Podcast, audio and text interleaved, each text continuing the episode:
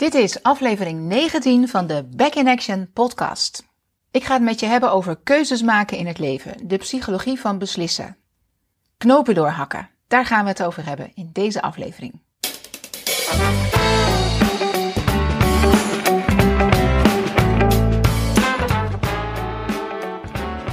De komende 10 afleveringen die staan in het teken van de yama's en niyama's, yoga filosofie niet droog, zoals we dat kennen vanuit de boeken, filosofie, maar zoveel mogelijk um, ja, doorleefde theorie. Dus praktisch maken. Vandaag dus de introductie van een reeks van 10 uh, podcast-afleveringen met elke week een thema uit de Yama's en Niyama's. Daar ga ik zo meer over vertellen wat dat nou in vredesnaam allemaal betekent. Het heeft niets met pyjama's te maken. Het is nu hartje zomer 2021 en de afgelopen twee maanden waren een behoorlijke rollercoaster. Eind mei heb ik een hele belangrijke knoop doorgehakt. En dat heeft te maken met het huurcontract wat ik heb voor deze ruimte, voor deze studio, mijn yoga studio in Harderwijk, waar we die groepslessen verzorgen. Uh, dat loopt eind september af, dus ik moest in februari, een half jaar opzegtermijn, alle besluit nemen. Ga ik het verlengen of niet? Wat gaan we doen?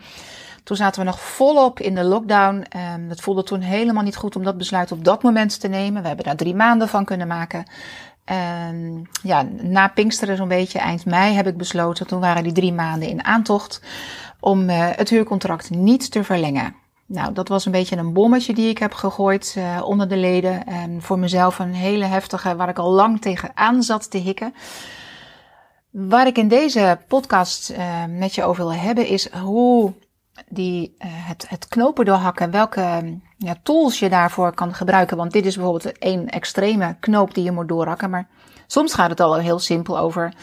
Uh, ga ik brood eten vandaag of ga ik soep? Uh, ga ik rechtsaf of ga ik linksaf? Ga ik naar het buitenland op vakantie of blijf ik in Nederland?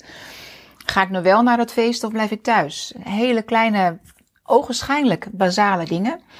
Maar die hebben allemaal te maken met um, ja, wat voelt goed en wat wordt er van je verwacht en wat verwacht je van jezelf. En, um, nou, dit, dit soort thematiek, uh, die zitten heel mooi vervat in de yama's en niyama's. En die zijn onderdeel van de yoga filosofie. Ik heb in mijn leven nog nooit zoveel knopen hoeven doorhakken als uh, de afgelopen anderhalf jaar. Zo voelt het tenminste. Wat een ingewikkelde periode was het. Met steeds weer, uh, als er dan weer een maatregel op me afkwam, uh, ja, afvragen hoe ga ik me hier weer uh, in verhouden? Wat moet ik doen? Uh, wat, wat wordt er van me verlangd? Wat voelt goed voor mij? Al die informatie die via de zintuigen naar binnen komt. Je leest erover, je hoort erover, je ziet ervan. Uh, ja, ergens moet je dan zelf bepalen wat je daarmee gaat doen. En in dit geval ging het niet alleen voor mezelf, maar ook voor de leden waar ik een verantwoordelijkheid voor voelde. Voor de docenten waar ik ook een verantwoordelijkheid voor voelde. Want als eeuwige twijfelaar hou ik me heel graag in het midden. Dan kan ik namelijk nog alle kanten uit. Ik stel zo lang mogelijk uit om er iets van te vinden en om beslissingen te nemen. En ik ga ook heel graag die dialoog aan. Die hou ik heel graag open. Niet, niet lijnrecht tegenover elkaar staan, maar gewoon met elkaar kijken naar diezelfde materie en uh, ruimte geven voor elkaars visie. Ja, ik ben ook heel erg um, ik, ik ben een pleaser. Ik, ik, mag het graag goed doen en iedereen tevreden houden. En dat kan niet altijd. Daar ben ik inmiddels voor achter gekomen. Want als je iedereen blijft pleasen, dan doe je jezelf tekort. En ook heel bang zijn voor wat zullen ze van me gaan vinden. En, en ook, ja, uh, wat, gaan de consequenties zijn van dit besluit? Als ik dit beslis, als ik het, het zo ga doen, wat gaan de consequenties zijn? En dat is lang niet altijd van tevoren te overzien. Dus hup, voluit erin duiken of nog even wachten en uh, terughouden. Nou, daar uh, biedt de yoga-filosofie en dan met name die eerste twee stappen uit het achtvoudige pad, die bieden daar een heel mooi houvast in. En daar heb ik heel veel steun aan gehad en vandaar ook dat ik het met je wil hebben over die yama's en niyama's. En door alles wat er de afgelopen tijd heeft gespeeld, de anderhalve jaar, hebben heel veel dingen voor mij ook stilgelegen. Bijvoorbeeld deze podcast. Het is al even geleden dat ik een podcast heb opgenomen. En deze die zijn nog even zonder interview. Dus een reeks van tien keer. De yama's en niyama's bestaan ieder uit vijf verschillende stappen, zou je kunnen zeggen. Dus bij elkaar tien. Dus ik ga elke uh, stap in een uh, podcast, in een aflevering, in een workshop hier in de ruimte achter me in de studio hebben we dat gedaan. En daar is opname van gemaakt. En zo hebben we de komende tien weken uh, gaan we door de yama's en niyama's. De ethische leefregels, zo zou je ze kunnen zien. Um, de coronacrisis heeft heel veel onder een vergrootglas gelegd. Um, veel dingen die eigenlijk al een beetje onder de oppervlakte aanwezig waren, die komen naar boven. Heel helder. Hoe gaan we met elkaar om? Hoe is eigenlijk de relatie met elkaar? Wat is belangrijk voor je? En, en daardoor, wat raakt de ander in jou? En wat moet ik doen? En waar kies ik voor? En wat is waarheid? Wat is nou nog de waarheid? En wat is voor jou de waarheid? Wat is voor mij de waarheid? En wat ik vind, vind ik belangrijk? En wat is wijsheid? Wat is mijn eigen wijsheid? En wat vind ik ervan? En wie ben ik is eigenlijk de grote vraag in dit alles. Ja, de afgelopen tijd zijn dus de, uh, heb ik veel terug kunnen vallen op de yamas en niyamas. Ik ga ze zo uitleggen, ik ga ze zo even benoemen. Um, ik heb ze ervaren als een soort van kompas, een soort uh, richtingaanduiders. Um, hulp bij de morele vraagstukken waar je in deze tijd natuurlijk allemaal mee worstelt. Wat, wat, uh, ja, wat, wat, wat moet ik ermee? Wat doe ik ermee? En wat voor kant ga ik uit? En wat voor beslissing neem ik? Dus juist op dat soort momenten heb ik er zelf heel veel baat bij gehad. En ze hebben me geholpen om de regie van mijn eigen leven weer te pakken. Want ik was het lange tijd kwijt. Het werd een beetje geleefd. En dat is jou waarschijnlijk ook wel overkomen. Dat door alles wat er gebeurd is. We zijn zo meegegaan in een flow. Dingen werden geregeld voor ons. En steeds meer regie werd van ons afgepakt door de maatregelen. Of je er nou uh, aan de ene kant of de andere kant in staat. We hadden, hebben er allemaal mee te dealen. En wat doet het met ons? Wat doet het met jou?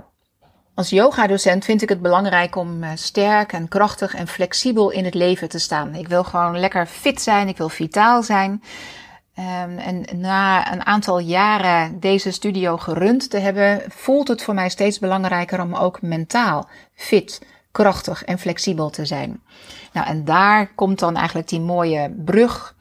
Uh, deze yoga filosofie, die geeft heel mooie handvatten om ook uh, mentaal ja, um, te observeren wat er gaande is en, en daar uh, richt, um, richtingen in te vinden, handvatten te vinden. Goed, ik ga ze nu één voor één even langslopen. In de eerste uh, reeks van, van de tien zal ik het iets eh, uitgebreider belichten. Ik ga ze nu gewoon even op hoofdpunten benoemen. Dus de yamas en niyamas zijn onderdeel van het achtvoudige pad. En vaak als we het hebben over yoga beoefenen, hebben we het alleen maar over houdingen, over oefeningen doen. Uh, maar er is veel meer. Voor die, uh, eigenlijk is het doen van oefeningen is stap 3. Stap 1 zijn de vijf yama's. Stap 2 zijn de vijf niyamas. En dan komen de houdingen. Vervolgens de ademoefeningen. En zo ga je langzaam maar zeker verder met meer naar binnen keren, zintuigen rustig maken, meer mediteren. En zo kom je uiteindelijk uit bij um, nou, een algeheel gevoel van um, één zijn met jezelf, met rust, met ja, diepe innerlijke rust. En willen we dat niet allemaal? Rust in het hoofd. De vijf yama's zijn de eerste geweldloosheid, de tweede waarheid, de derde niet stelen, de vierde zelfbeheersing en de vijfde hebzuchtloosheid. Dat heeft eigenlijk allemaal te maken met um, hoe verhoud ik me met de wereld om mij heen. Dus het is veel meer naar buiten toe gericht en dingen die je misschien beter niet kan doen. Dus de do-nots. De vijf niyama's, die zijn veel meer naar binnen gericht. Die hebben te maken met hoe verhoud je je tot jezelf. Zuiverheid. De tweede, tevredenheid. De derde, zelfdiscipline. De vierde, zelfstudie. En de vijfde, overgave. Nou, deze tien thema's als het ware, die hebben we dus in een reeks van tien lessen, tien workshopavonden zou je het kunnen zien, eh, achter elkaar gezet. En op dit moment dat ik dit inspreek, zitten we op de helft. We hebben de vijf yama's behandeld en het waren prachtige avonden. Geen gorddroge uh, theorie of filosofie dus, maar heel praktisch en doorleefd. Dus elk thema is heel goed te vertalen naar um, oefeningen doen, op het yogamatje ervaren wat die dingen voor jou betekenen en hoe je daarmee kan dealen. Gewoon op het matje. En dan gaat yoga ineens veel meer zijn dan alleen maar uh, oefeningen doen, maar wordt het a way of life. En kom je dingen van jezelf tegen op het matje, patronen. Um, hoe je omgaat, hoe je dealt met um, teleurstellingen, tegenslagen, allemaal gesprekken die in je hoofd plaatsvinden je vindt ergens iets van, of je oordeelt over jezelf, ehm, je vergeet te zijn in het hier en nu, je holt maar door op weg naar weer een volgende houding. Het thema geweldloosheid bijvoorbeeld is heel goed te vertalen naar uh, ja, waar liggen eigenlijk jouw grenzen als je een yoga-houding doet? Wil je kosten wat kost die oefening doen omdat het plaatje zegt dat, je dat het er zo uit moet zien? Of omdat ik als yoga-docent vertel dat je die hand per se daar en die voet per se daar en ja, jezelf eigenlijk gewoon maar geweld aan doen? Voel je nog het signaal van je lichaam? En omgaan met de waarheid. Er komt zoveel via onze zintuigen binnen. We horen, we voelen, we proeven, we ruiken. Um, maar niet altijd wordt het goed gefilterd. Wat is waarheid? Kan je te midden van al deze dingen nog het verschil maken tussen eh, wie je echt bent en wie je wil zijn? Be nice or be real is een heel mooi thema om ook in de yoga oefeningen mee aan de slag te gaan. En niet stelen, dat gaat natuurlijk veel verder als alleen maar dat koekje uit de trommel pikken bij je moeder, maar vooral ook uh, tijd en aandacht uh, stelen van een ander of uh, van jezelf ook. Dan ontneem je jezelf misschien de mogelijkheden om te ontwikkelen, om te groeien. Geef je jezelf de tijd en de ruimte om je eigen tijd te pakken, die we allemaal nodig hebben. We ontnemen ons de tijd en de ruimte om onszelf te zijn. En yoga en daar elke dag maar weer op het matje gaan staan, helpt je om ook die tijd voor jezelf te pakken. Van elke avond is een uh, opname gemaakt en die opname die komt dus zo dadelijk in de vorm van een video en een podcast ook um, voorbij. En uh, de oefeningen die we gedaan hebben, die zijn niet opgenomen, maar wel het stukje theorie en dat is elke keer om en nabij een half uur. Het moment waarop dit plaatsvindt is ook eigenlijk wel heel mooi. Het is voor mij dus de afrondende fase van elf jaar lang deze studio gerund te hebben. Uh, we zitten in de afwikkeling. Over twee maanden gaat de studio daadwerkelijk dicht. Dan uh, stopt het hier. Dus het is ook, um, ja, wat, wat er allemaal gebeurt en gezegd is. We ervaren met z'n allen heel sterk de community. Het met elkaar hebben we hier zoveel meegemaakt en doorleefd. Uh, en de lessons learned en wat ik er zelf heb uitgepikt, dat wil ik graag met je delen. En ik hoop je daarmee ook te inspireren. Dus dat is helemaal de opzet van um, ja, de houvast die ik zelf heb ervaren uit de yoga filosofie en doorleefd, die met jou te delen en jou daarmee ook uh, ja, te inspireren. En wellicht ook voor jou makkelijker te maken om um, ja, weer te voelen waar sta ik en hoe ga ik me verhouden op dit moment in mijn leven, op dit moment in jouw leven. Want we gaan zo vaak voorbij aan het voelen, aan het luisteren naar de signalen van het lichaam.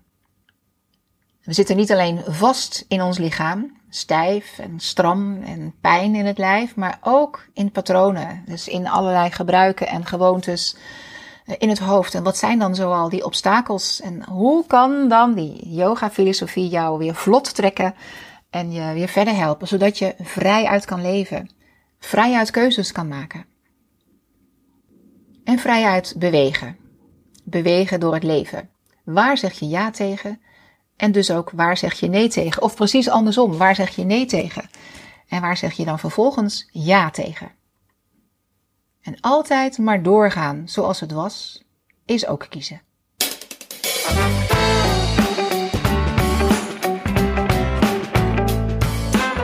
Ik wens je heel veel plezier met de volgende 10 podcast afleveringen. Um, ja, ik, stel me zo voor dat je ook wat terug wil koppelen eh, reageer onder elke podcast, uh, misschien ook onder dit bericht. En laten we samen een interactie aangaan en uh, die community, die ik ook heel belangrijk vind, op gang houden. Ehm, waar ik ook de komende tijd heel erg mijn best voor wil blijven doen. Misschien niet zozeer zo hier in de studio, maar via de digitale koffietafel. Daar komt de komende tijd nog meer informatie over. De communityplek van Mind Your Body, de digitale koffietafel.nl. Hij staat al, moet nog veel meer vorm gaan krijgen. En wil je kennis maken met uh, mijn online yoga studio, dan ben je van harte welkom. Uh, en ook met de manier van werken waar eigenlijk deze hele materie, de yamas en de yamas, in verweven zit. Uh, doe dan mee met de challenge, de yoga challenge die gratis is. De Kickstart Vijfdaagse. De link die zie je onder dit bericht. Die zal op allerlei manieren te vinden zijn. Ehm, tot zover deze podcast. En heel veel plezier. Dankjewel voor het luisteren.